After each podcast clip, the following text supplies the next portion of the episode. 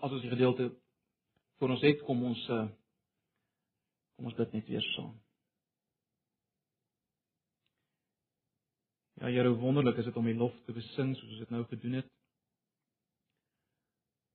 Ons weet ons is op pad na 'n dag waar ons U lof sal besing tot in alle ewigheid terwyl ons U dien en U groot maak.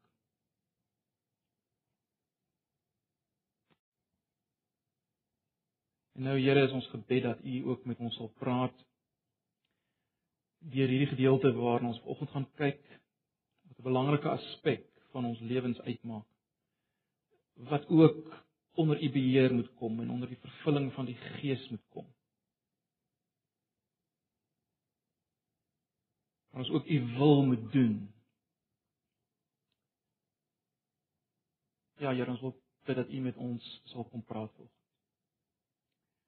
Ag Here, vanoggend wil ons spesifiek bid vir hulle in ons midde wat wat hartseer is vanoggend omdat hulle geliefdes afgestaan het aan die dood. Ag Here, wil U tog maar net vir hulle waarlik vertroos en versterk hierdie gees, maar ook deur U liggaam wat ons is. Die hande en die voete hier. Asseblief Here, doen dit op 'n wonderlike wyse. Verheerlik U ook self daarin. Asseblief.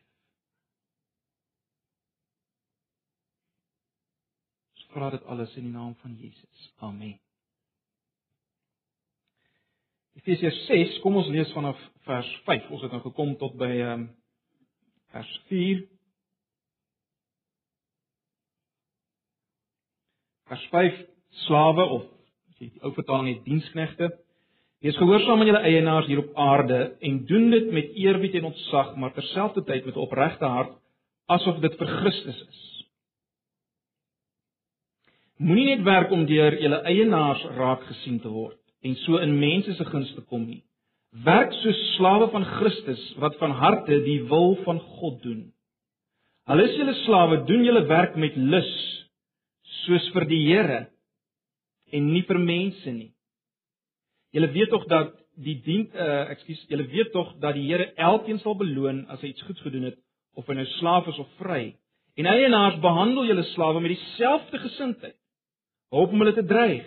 Dink daaraan dat die Here in die hemel hulle Here en ook julle Here is en hy trek niemand voor nie. Ons lees net so ver. Nou, broers en susters, ek eh, ek wil hê ons moet vanoggend 'n bietjie kyk na die onderwerp van van die Christen en sy werk. Ons het al hierna gekyk in die verlede, maar ek wil hê ons moet weer daarna kyk veral dan belig vanuit Efesiërs waarmee ons besig is. Nou weer is vakansie. Uh en miskien is die laaste ding waaroor jy nou wil dink, werk. Maar ek vertrou tog dat dit wat ons vanoggend gaan sien, ons gaan toerus nou vir die res van die kwartaal wat ons nou weer moet besig wees met werk. En ek wil begin om te sê dat daar 'n aantal sieninge is wat baie populêr is in die algemeen, maar ook onder gelowiges as dit kom by werk. Daar's 'n paar algemene populêre sienings. Uh die eerste is is die siening of ek so stel, daar's baie mense en dalk vanoggend hier onder ons wat eintlik net werk om uiteindelik nie te werk nie. En dit geld nou vir die vir die uh werkoliste onder ons en ook die ouens wat lei wegsteek. Baie ouens werk net om uiteindelik nie te werk nie. Met ander woorde, om af te tree. Daar gebruik ek nou die groot woord. Hulle werk net om af te tree. So dis een groep. Dan is daar die ouens wat so min as moontlik probeer werk om soveel as moontlik geld. En ek dink baie val in daai kategorie. Jy wil so min as moontlik werk, so min as moontlik insit, maar tog wil jy daarom soveel as moontlik uitkry. Soveel geld as moontlik kry. Dan is daar ander ons wat net sekere tipes werk as goed genoeg beskou. Ander tipe werk is minderwaardig. Uh jy kan nie enige tipe werk doen nie, net sekere tipes werk is uh is werklik die moeite werd. Ehm um, ander werk is benede jou. Dan is daar die ouens wat net werk om die ouens bo hulle gelukkig te hou. Dit is eintlik al. Hulle wil net die ouens wat oor hulle is gelukkig hou. Verder is daar geen plesier in wat hulle doen nie. Hulle wil net die ouens bo hulle gelukkig hou. En dan is daar Christene wat sonder dat hulle dit eksplisiet so sal sê, sien hulle werk as sekulêr. Alle werk is sekulêr. Uh Eindelik is dit 'n noodsaaklike ewel vir 'n Christen, want 'n Christen moet eintlik besig wees met geestelike werk. En en daarom uh, dit wil by hierdie ouens kry die die die die geneigtheid dat selfs as hulle besig is met werk, is hulle harte nie daar nie. Hulle wil eerder besig wees met uh wat hulle noem geestelike dinge. Bybelstudies. Praktiekies uitdeel en die goed. Ehm um, onder hierdie groep kry jy ouens wat uh, dan letterlik lei wegsteek by die werk ehm um, met die verskoning hulle is besig met geestelike dinge. Soos die as hulle werkgewer daar kom, is hulle nie besig met die werk nie, hulle is besig met die Bybel. En dan voel hulle goed geestelik as hulle vervolg word daarvoor. Maar eintlik is die vraag is hulle reg? So dis min of meer as sekerlik nog 'n uh, nog binne hierdie 'n uh, paar dinge wat ek nou genoem het verskillende uh variasies op die tema, maar dis min of meer populêre sieninge rondom werk. Kom ons kyk net 'n bietjie na die konteks van voor ons nou verder gaan werk. Kom ons kyk na die konteks van van hierdie uh, vers wat ons gelees het in Efesiërs 6. Kom ons herinner ons net aan wat ons al gesien het. Onthou julle Paulus is besig om nog steeds te wys hoe lyk 'n lewe volgens die wil van God. Uh in Efesiërs 5 vers 17 uh staan daar letterlik verstaan die wil van God. Onthou julle? Ek het julle gesê, dit is baie duidelik as mens mooi gaan kyk daar, ehm um, dat die wil van God is nie iewers weggesteek dat jy dit moet soek nie, is baie duidelik. Jy kan dit verstaan, jy moet dit net begin doen.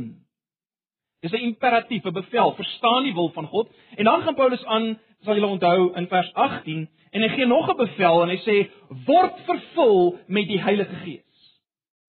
En ons het mekaar gesê dit beteken kom onder die invloed, net soos jy onder die invloed van drank is, En dit lei tot 'n onderdrukking van jou hoogste funksies.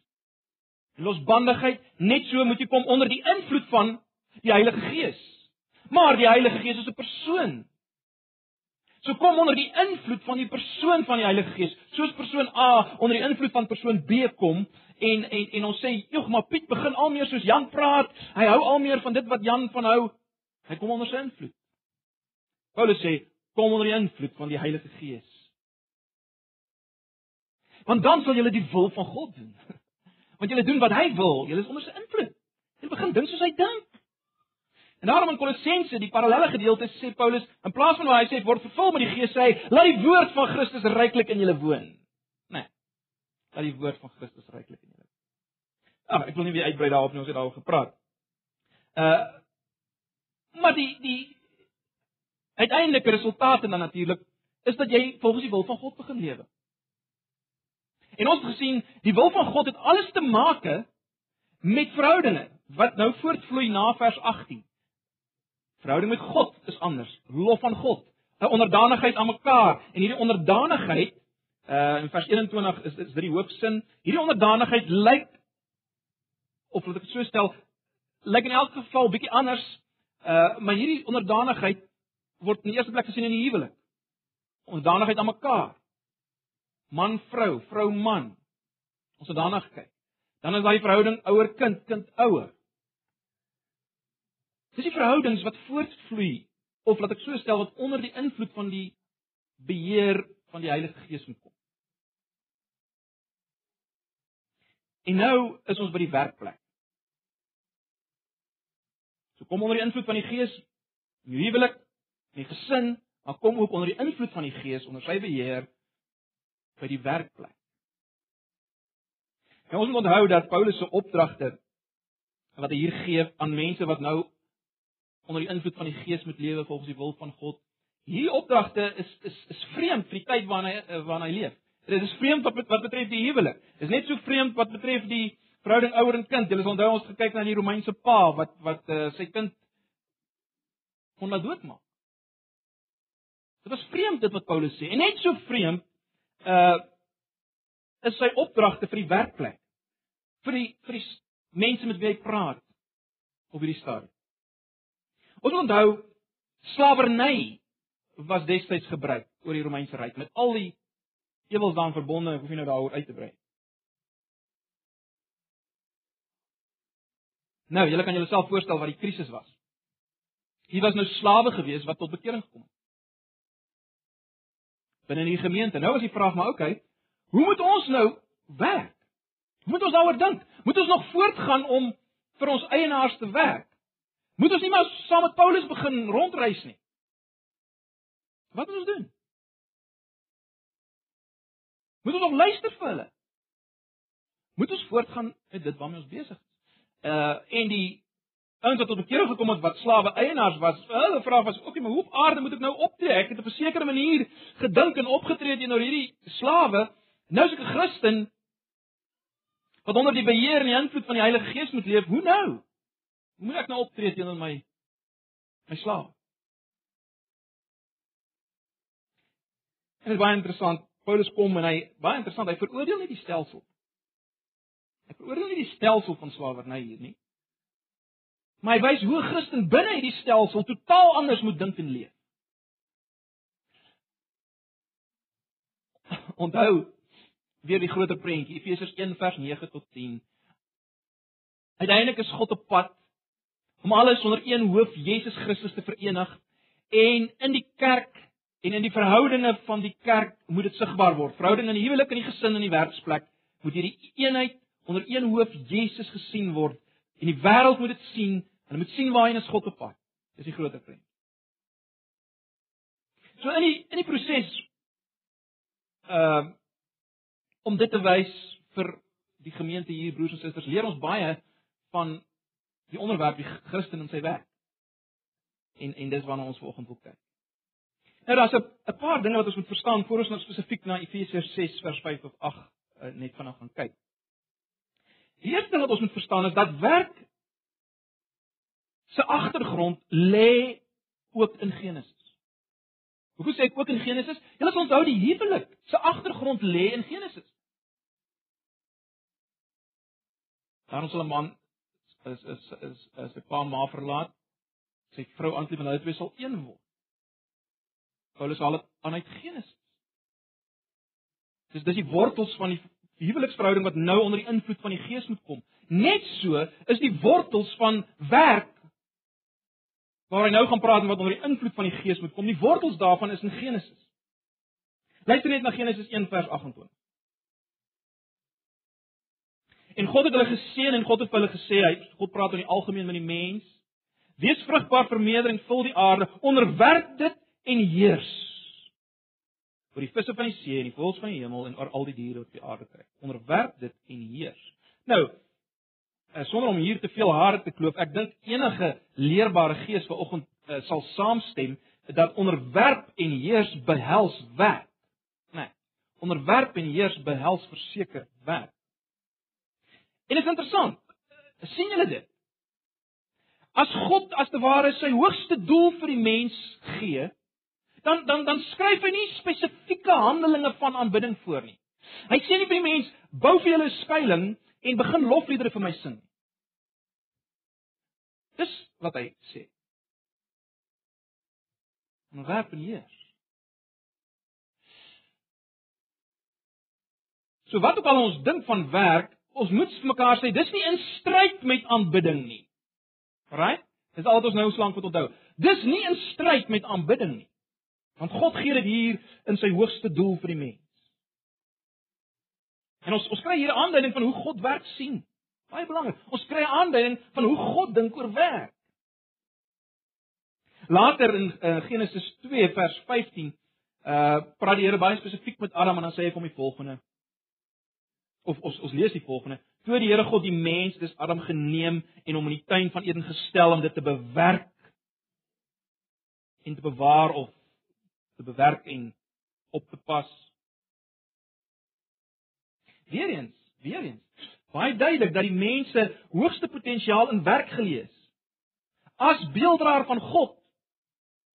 En baie interessant as beelddraer van God is hierdie baie kom ons noem dit eenvoudige werk. Dit lyk na baie eenvoudige werk hierdie. Dit is nie uh, hoogs gespesialiseerd op hierdie stadium nie. Uh dis nie benede die mens nie. En benede God nie. Dit is wat God gee. So broers en susters, ons kan alweer hier 'n paar uh, afleidings maak. Uh daar's 'n paar dinge wat ons moet raak sien. En dit is die mens as mens is gemaak vir werk en nie vir onaktiwiteit. Baie belangrik, né? Nee. Die mens as mens is gemaak vir werk en nie vir onaktiwiteit nie. Uh, 'n mentaliteit wat vandag baie sterk is is dit. Julle sal dit weet. Ons dit word in ons speelgate afgedruk as te ware.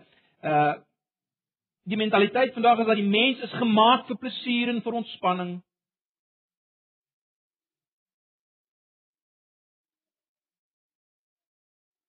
En daarom, soos ek reeds gesê het, die hoogste doel vir mense is dikwels om op te hou werk, om af te tree.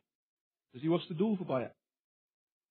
Maar wat ons moet raak sien reeds hier is dat onaktiwiteit en onproduktiwiteit is teenstrydig met God se bedoeling vir vir ons, vir jou, vir my.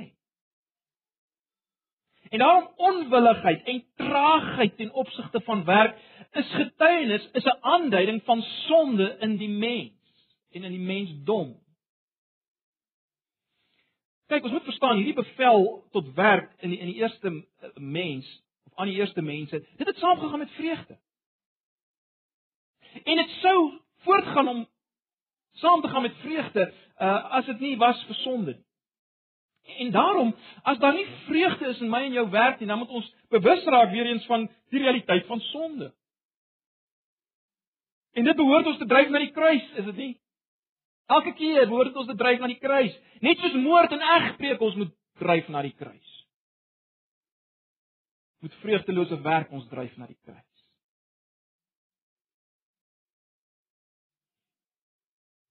Kom ons dink net gou aan die sondeval.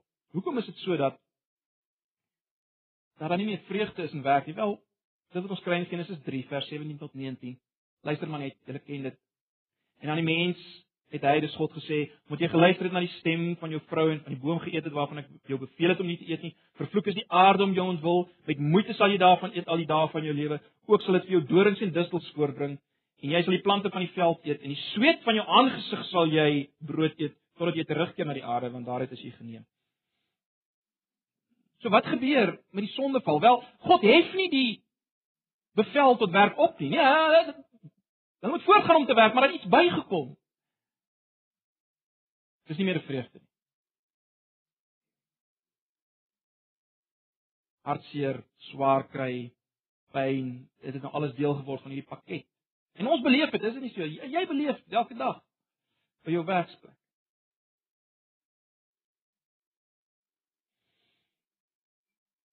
Ons is besig om te beweeg om te kyk na na die Christen. Hoe moet sy werk lyk? En soos altyd, broers en susters, moet ons ook weer kyk na Jesus. Jesus die eerste nuwe mens. Jesus die een wat absoluut gevul is met die Heilige Gees. Ons praat oor vervulling met die Gees. Jesus was die een wat absoluut onder beheer van die Heilige Gees geleef het. Vervul is met die Gees. Hy's God se nuwe mens. Ons moet kyk na hom. Uh hoe lyk sy verhouding met werk? En en ons weet die Nuwe Testament gee 'n opdrag. Uh, mens dink maar net uh, aan 1 Johannes 2 vers 6 wat sê hy hy wat sê dat hy in hom dis Jesus bly behoort ook self te wandel of te leef soos hy geleef het. So ons ons kan Jesus, ons moet Jesus neem uh as voorbeeld. So ons moet onsself afvra, is daar enigiets in die lewe van Jesus? Is daar enigiets in die lewe van Jesus wat die die die waardigheid en die heiligheid van elke wettige soort werk demonstreer? Wat sien ons by Jesus rondom werk? Dis baie interessant. Ons weet baie min van van Jesus se lewe eh, van kind tot volwassene, né? Ons weet baie min daarvan. Ons lees dis van die min dinge wat ons lees in Lukas 2 vers 41 en sy ouers was gewoond om elke jaar met die Paasfees na Jerusalem te gaan. So hulle het na Jerusalem gegaan met Paasfees. Ons weet hulle het dit gedoen. Uh en dan in Lukas 4 vers 16. Toe kom hy na Nasaret waar hy opgevoed was en soos hy gewoond was, gaan hy op die Sabbatdag in die sinagoge en staan op om te lees. So uit Paasfees toe gegaan, hulle in die, die Sabbat was hulle in die sinagoge, was in die sinagoge. Wat het hy vir die res van sy tyd gedoen? Voor hy begin het met sy openbare bediening op 30. Wat het hy gedoen? Wel, broers en susters, in Markus 6 vers 3 sien ons dat Jesus bekend gestaan het as 'n skrynwerker.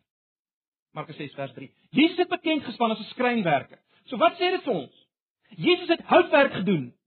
As hy nie op die Paasfees was en in die tempel of in die sinagoge was nie, dan het hy houtwerk gedoen. geskaaf, blokke gesaag, voë gemaak, gesweet. Nou en dan sy duim raak geslaan. Dis wat hy gedoen. En daarom as ons lees in Markus 1 vers 10 dat daar 'n stem uit die hemel kom, dit is my geliefde seun en wie ek welbehaag. Onthou nou, Jesus het nog nie begin met sy openbare bediening nie. As daar 'n stem uit die hemel kom wat sê dit is my geliefde seun, wie ek welbehaag, dan beteken dit God het 'n welbehaag in dit wat Jesus gedoen het terwyl hy by die werksbank gestaan het. God het behaag daarin gehad. Sy fisiese werk. Net net 'n laaste paar opmerkings rondom Jesus en sy werk. Jesus het vir altyd broers en susters elke vorm van werk eerbaar verklaar en geheilig. Hoekom sê ons dit? In Johannes 13 doen Jesus die werk van 'n huisslaaf. Sou julle dit? In Johannes 21 doen hy die werk van 'n visserman in 'n kop.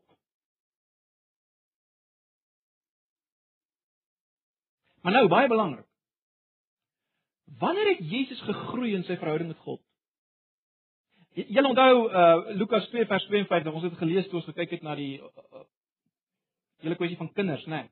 Lukas 2 vers 52, waar ons lees en Jesus het toegeneem in wysheid en grootte en genade by God en die mense.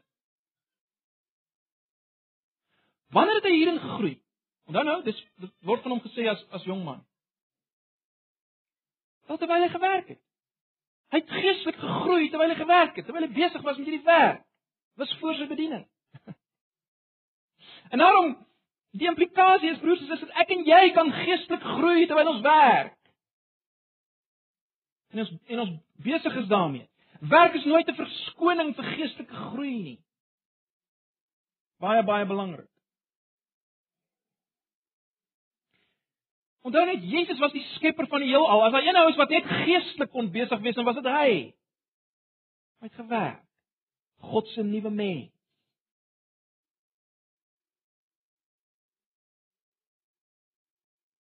Belangrik ook, jy kan vir jouself respek hê en jy kan 'n goeie gewete hê al doen jy watter werk. Gegee dat jy dit doen op die manier waarna ons nou net daarna sal kyk. Broers en susters, ons moet verstaan deel van Jesus se verlossingswerk aan die kruis.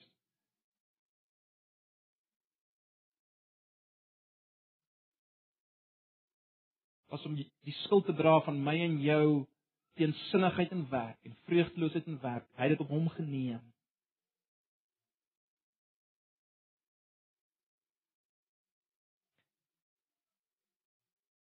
Kom ek stel dit anders, terwyl hy gewerk het en die sweet van hom afgetap het het hy in jou plek gewerk. Soos God wil hê iemand moet werk. In jou plek het hy so gewerk. En uiteindelik as hy aan die kruis sterf, van in jou plek sterf hy vir iemand wat nie werk soos hy moet werk. Met vreugde vir God soos hy moet. Dit is deel van Jesus se verlossingswerk ook. Deel van sy geregtigheid wat hy vir ons verwerf het. Onthou dit. Moet dit nooit vergeet nie. Dit is deel van die verlossing. So.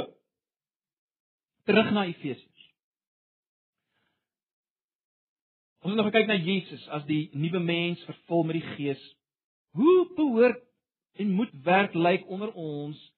Ons wat volgens Efesiërs 2 lewend gemaak is. Ons wat onder vervulling met die Gees moet lewe soos Jesus. Efesiërs 5 vers 18. Hoe moet werk lyk? Wel ons kan verwag broers en susters dat dit dat dit anders sal lyk en moet lyk as die wêreld, né? Nee. En dit bring ons nou by Efesiërs 6 vers 5 tot 8. Let net op. As jy vinnig kyk na vers 6, die einde van vers 6 is daar weer sprake van die wil van God. sien julle dit?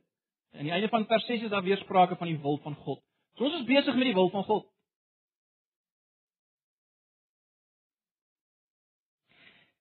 As ons net so van bo af vinnig kyk na hierdie paar verse en dan sien ons al klaar dat Jesus Christus staan sentraal hier.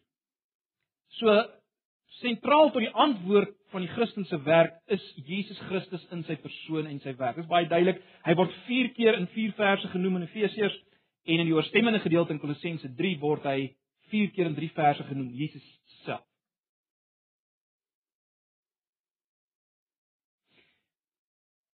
En dit sê van ons al klaar twee dinge net so op die oppervlak, né? Nee. In die eerste plek, daar kan geen regte verhouding wees tot werk sonder 'n regte verhouding met Jesus Christus. Daar kan geen regte verhouding tot werk wees sonder 'n regte verhouding met Jesus Christus. En in die tweede plek, daar is geen regte verhouding met Jesus Christus wat nie uitloop op 'n regte verhouding tot werk nie. Dit kan nie. Nou, as ons wil werk om God te behaag, volgens die wil van God, dan is daar drie dinge ehm uh, waarvan ons gedurig bewus moet wees as ons werk. En dis wat ons hier kry. Daar's drie dinge. In die eerste plek dat ons werk vir Christus. In die tweede plek dat ons onder sy toesig werk. En in die derde plek dat ons werk met die oog op die troon van Christus. So dis die drie dinge wat ons hier moet raak sien. Right. In die eerste plek dan ons werk vir Christus. Kyk net na vers 7. Al is julle slawe, doen julle werk met lus soos vir die Here en nie vir mense nie. Miskien kan julle net vinnig blaai na Kolossense. Kolossense 3.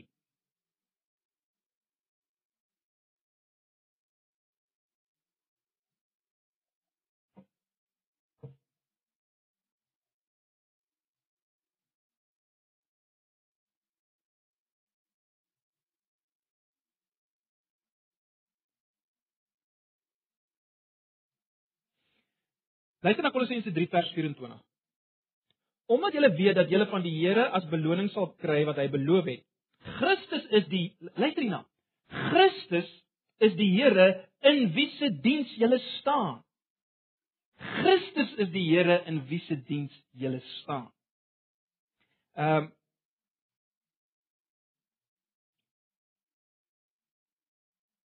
Dit is baie duidelik.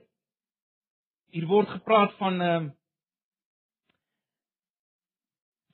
letterlik van julle julle eienaars hier op aarde. Moenie net vir hulle werk nie. Uh dis in 'n keer die hele gedeelte versprei. Maar dit is baie duidelik, ons het ons het werkgewers op aarde. Maar ons eintlike werkgewer is die Here.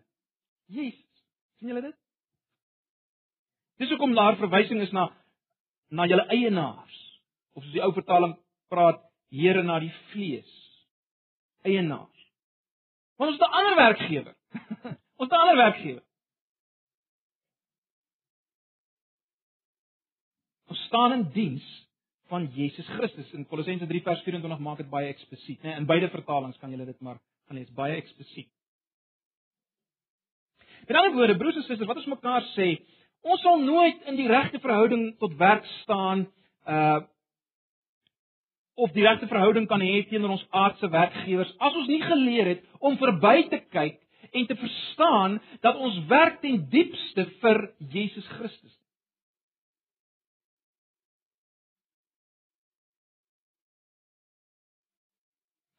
Ons is nie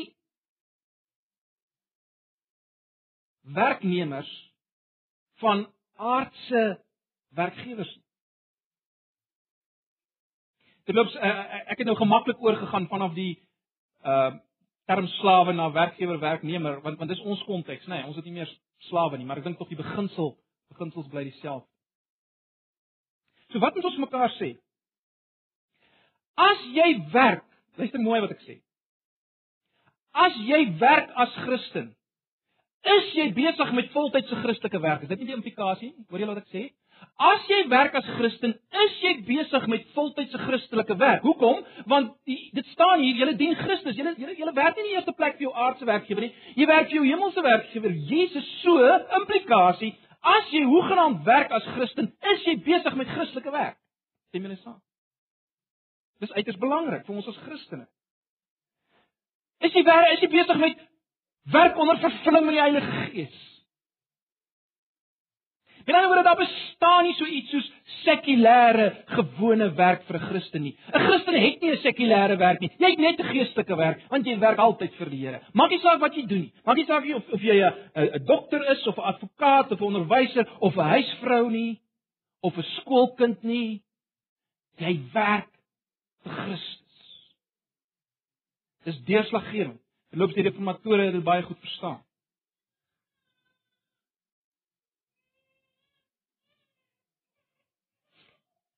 En broers en susters, as ons dit begryp, dan dan kan geen werk net rotine werk wees. Ag, ek moet dit maar net klaar kry. Jy sien dit verander die hele gesig van werk. Jy sê wat dit doen. Hulle is daar besig met skottelgoed. Of ek is besig om 'n doek om te ruil. En ek wil eerder nou sit en Bybel lees. Nee, geniet dit vir die Here. Dis vir hom. Jy werk vir hom. Hy eer dit. Dis niks minder geestelik as jou Bybel lees nie. Dis net so geestelik. Wat is vir hom? Dit verander alles. Verander alles. So dis die eerste punt. Werk vir Christus. Die tweede punt onder sy toesig, vers 6. Moenie net werk om deur julle eienaars raak gesien te word en so in mense se gunste kom nie.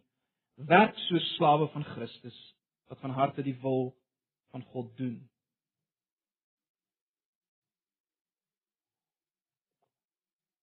Jy sien, die punt is hier, moenie werk asof die oog van jou baas, die oog van jou eienaar of as jy 'n kind in die skool is, die oog van jou onderwyser op jou is. Moenie net werk asof dit so is of met 'n bewustheid daarvan. Nee, werk met 'n bewustheid dat die een se oog wat op jou is, is die Here se oog. Die Here kyk na jou waar jy werk. Maak nie saak wat jy doen nie. Die Here kyk na jou werk. Kry daai bewustheid. Wat wat gebeur? Kom ons kom ek stel dit so. Wat gebeur as jy net werk as die baas se oog op jou is, die werkgewer se oog op jou is, die onderwyser se oog op jou is, die inspekteur se oog op jou is? Wat gebeur? Wel, jy produseer net as jy onder toesig is. En uh jy jy jy lewer eintlik net 'n uiterlike vertoning. Jou hart is nie daar nie want jy wil net hierdie ou tevrede stel. Maar broers en susters, as ons begin werk as Christene met die gedagte, die oog van Jesus, die een wat vir my gekruisig is, die een wat my liefhet. Sy oog is op my. Hy stel belang in hoe ek nou hierdie werk doen. Ag, dit verander alles. Nee, dit verander alles. Dit beteken ek doen ek doen die maksimum sonder toesig. En natuurlik my hart is daar. My hart sal my werk Julle moet myself gaan dink aan die implikasies vir vir elke ou daaglikse lewenstaakie van skottelgoed was was goed ophang. Ek weet nie of vrouens dit nog doen nie want bedienis doen al hierdie werk. Maar maar maar as jy nog sulke mense is, ehm um, al die ou goedjies. Verander dit. En dan laastens, doen dit met die oog op die troon van Christus. Kyk na vers 8. Julle weet tog dat die Here elkeen sal beloon as hy iets goed gedoen het of hy nou slaaf is of vry. Hier sprake van 'n beloning van die Here. Nou, ek wil nie nou ingaan op hierdie onderwerp nie. Dit is 'n geweldige onderwerp, maar broers en susters, die Bybel is vol van so iets soos genade loon. Dit beteken nie jy kan nie word gered op grond van werke nie. Maar dit beteken binne kom ons sê binne die die, die sweer van genade wil God ook beloon en sal hy gee uiteindelik eendag. Beteken nie uh, sommige van ons uh gaan dit nie maak nie. Nee, as jy in Christus is, maak jy dit. Uh, gaan jy die heerlikheid beleef, maar dit maak saak wat jy hier doen. Dit maak saak hoe jy werk. Dis die implikasie. Dit maak werklik saak. Die Here wil dit beloon. Dis genade loon. Dis nie wat jou verlossing bewerk nie, maar maar maar as beloning en hy wil dit doen. En en daarom dis dis eintlik wonderlik, is dit nie? Want dit beteken ek werk nie vir niks nie. Dit gaan nie verby nie. Dis nie maar net ag, dis irrelevant nie. Dis baie relevant. Ek en jy gaan staan voor Christus se troon. Geweldige gedagte, dink daaroor. Maar werk met daardie bewustheid.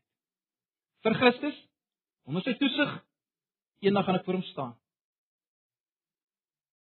Dis werk wat die Here behaag. En dit sal natuurlik dit dit dit verander dit dit verander alles.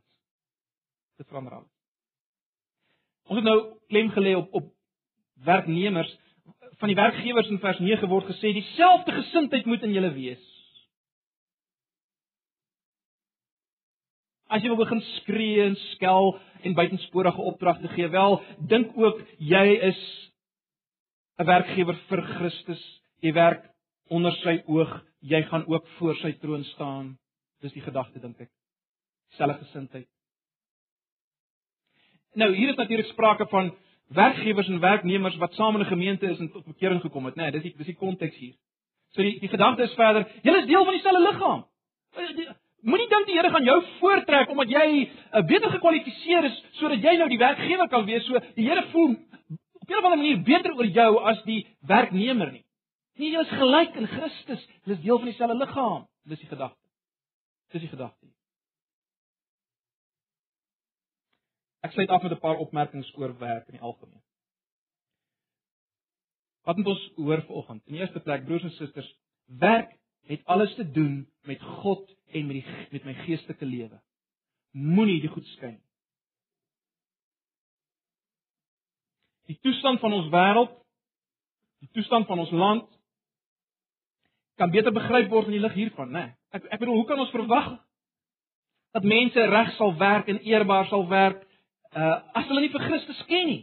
Dis hoekom dit so chaos is. En dis baie van julle wat vir ons baie kan vertel oor die chaos van hierdie land wat werk betref. Hier is die antwoord. Hoe kan mense werk as hulle Christus nie ken nie? As hulle nie vir hom werk nie? Derde punt. Uh ek dink dit is baie duidelik. Ons het dit mekaar gesê, daar bestaan nie so onderskeid so sekulêr en geestelik vir 'n Christen. Wat werk betref. Volgende punt. Jou werk was jou getuienis hierdie week? As jy gewerk het hierdie week. Dit was jou getuienis.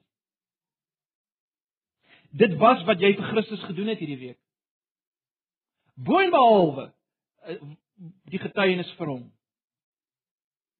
Die gebed, die lofpryse. Was dit wat jy kom gedoen het? Onthou dit. 'n Volgende punt en ehm um, Ek dink Henning sal my hier ondersteun. As ons dink aan sending en evangelisasie, broers en susters, in die tyd waarin ons leef, moet ons al meer dink in terme van werk. Wat is nodig in die geslote lande, die moslimlande van die wêreld? Christen werkers. Ouens wat gaan as ingenieurs en as onderwysers. En wat ook al. Daar is nie meer plek vir voltydse net sendelinge. Gaan net as 'n sendeling. Jy kan nie Jy moet gaan as iemand wat gaan werk as Christen. En so bereik ons die wêreld. Dit is baie belangrik as jy vanoggend hier sit. Ehm um, Jy wonder oor die toekoms, jy's dalk nog jonk, wel. Dink, waar kan ek gaan werk vir Christus? vir maksimum uitbouing van sy koninkryk as ek dit so kan stel. Waar is hy nodig? Dink aan die geslote lande. Kyk of jy nie kan bekwam om daar te gaan werk nie. Gaan help vending hulle in die Midde-Ooste, waar dit ook al mag wees.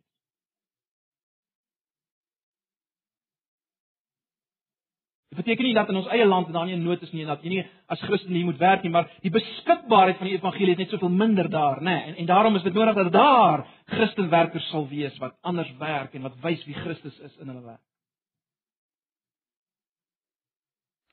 Ek dink die implikasie is dat as die evangelie ons verander broers en susters, moet dit ons verander ook wat ons werk betref.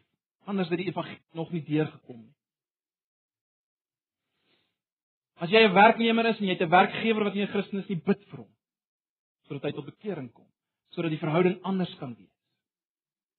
Dis waarmee jy moet besig wees en vice versa as jy 'n werkgewer is.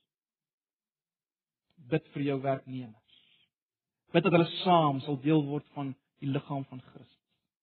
Want dis wat God wil hê om vir die wêreld te wys waarna hy op pad is. As ons sukkel om te werk, ag broers en susters, kom ons word herinner elke keer aan sonde as ons sukkel om te werk. Laat dit ons dryf na ons knieë. En kom ons staan alle tendense uh wat in ons is, al die gemor en gekla en gekerm en die kritiek oor werk, kom ons staan dit teë. Want ons weet dit moenie so wees nie. Maar laat toe dat hierdie gebrokenheid inwerk en hierdie worsteling, laat toe dat dit jou laat uitsien na die dag wanneer alles nuut gaan wees en ons op op 'n ander manier gaan werk vir altyd en altyd vir God, bevry van die vloek van die sondeval. Gelees maar Openbaring uh 21 Openbaring 22 in hierdie geval. Ek sluit af, heel laaste gedagte, broers en susters. Onthou net, as werk goed was vir die eerste aarde, as die Here gesê dit is goed, dan sal dit ook wees vir die tweede aarde, vir die nuwe aarde. En daarom moet ons nie dink ons gaan eendag op wolke ronddryf met harpe nie, ons gaan werk. Ons gaan werk vir God, die nuwe skepping. Ons gaan wees besig wees met geweldige dinge. En alles wat jy nou doen in hierdie lewe, wie jy is, wat God vir jou gegee het, jou gawes, wat jy nou daarmee doen, word daarbey ingeskakel by dit wat God uiteindelik jou voor gaan gebruik op die nuwe skepping. Onthou dit, niks gaan verlore nie, niks niks niks wat jy doen nie. Elke ding word ingeweef en alles gaan gebruik word. Jy gaan gebruik word op die nuwe aarde. Jy gaan werk. En wat jy nou doen het 'n effek daarop. As jy nou slap is en nie werk vir die Here nie en nie jou potensiaal bereik wat die Here vir jou gegee het nie. Dit het 'n effek. Die punt is, ons gaan uiteindelik sonder die vloek sonder trane werk tot na alle ewigheid met vreugde want is vir God die bron van alle lewe. Amen. Kom ons bid saam. Ag Here baie dankie vir u woord. Ag Here, ek wil bid dat U vir ons sal help om al meer omvattend te dink oor ons Christelike lewens. Dat ons nie meer in kompartemente sal dink nie.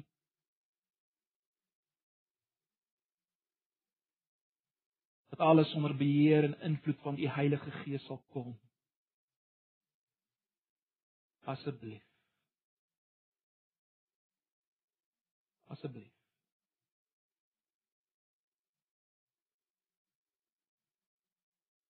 vra dit in Jesus se naam. Amen. Kom ons sluit af met die laaste lied.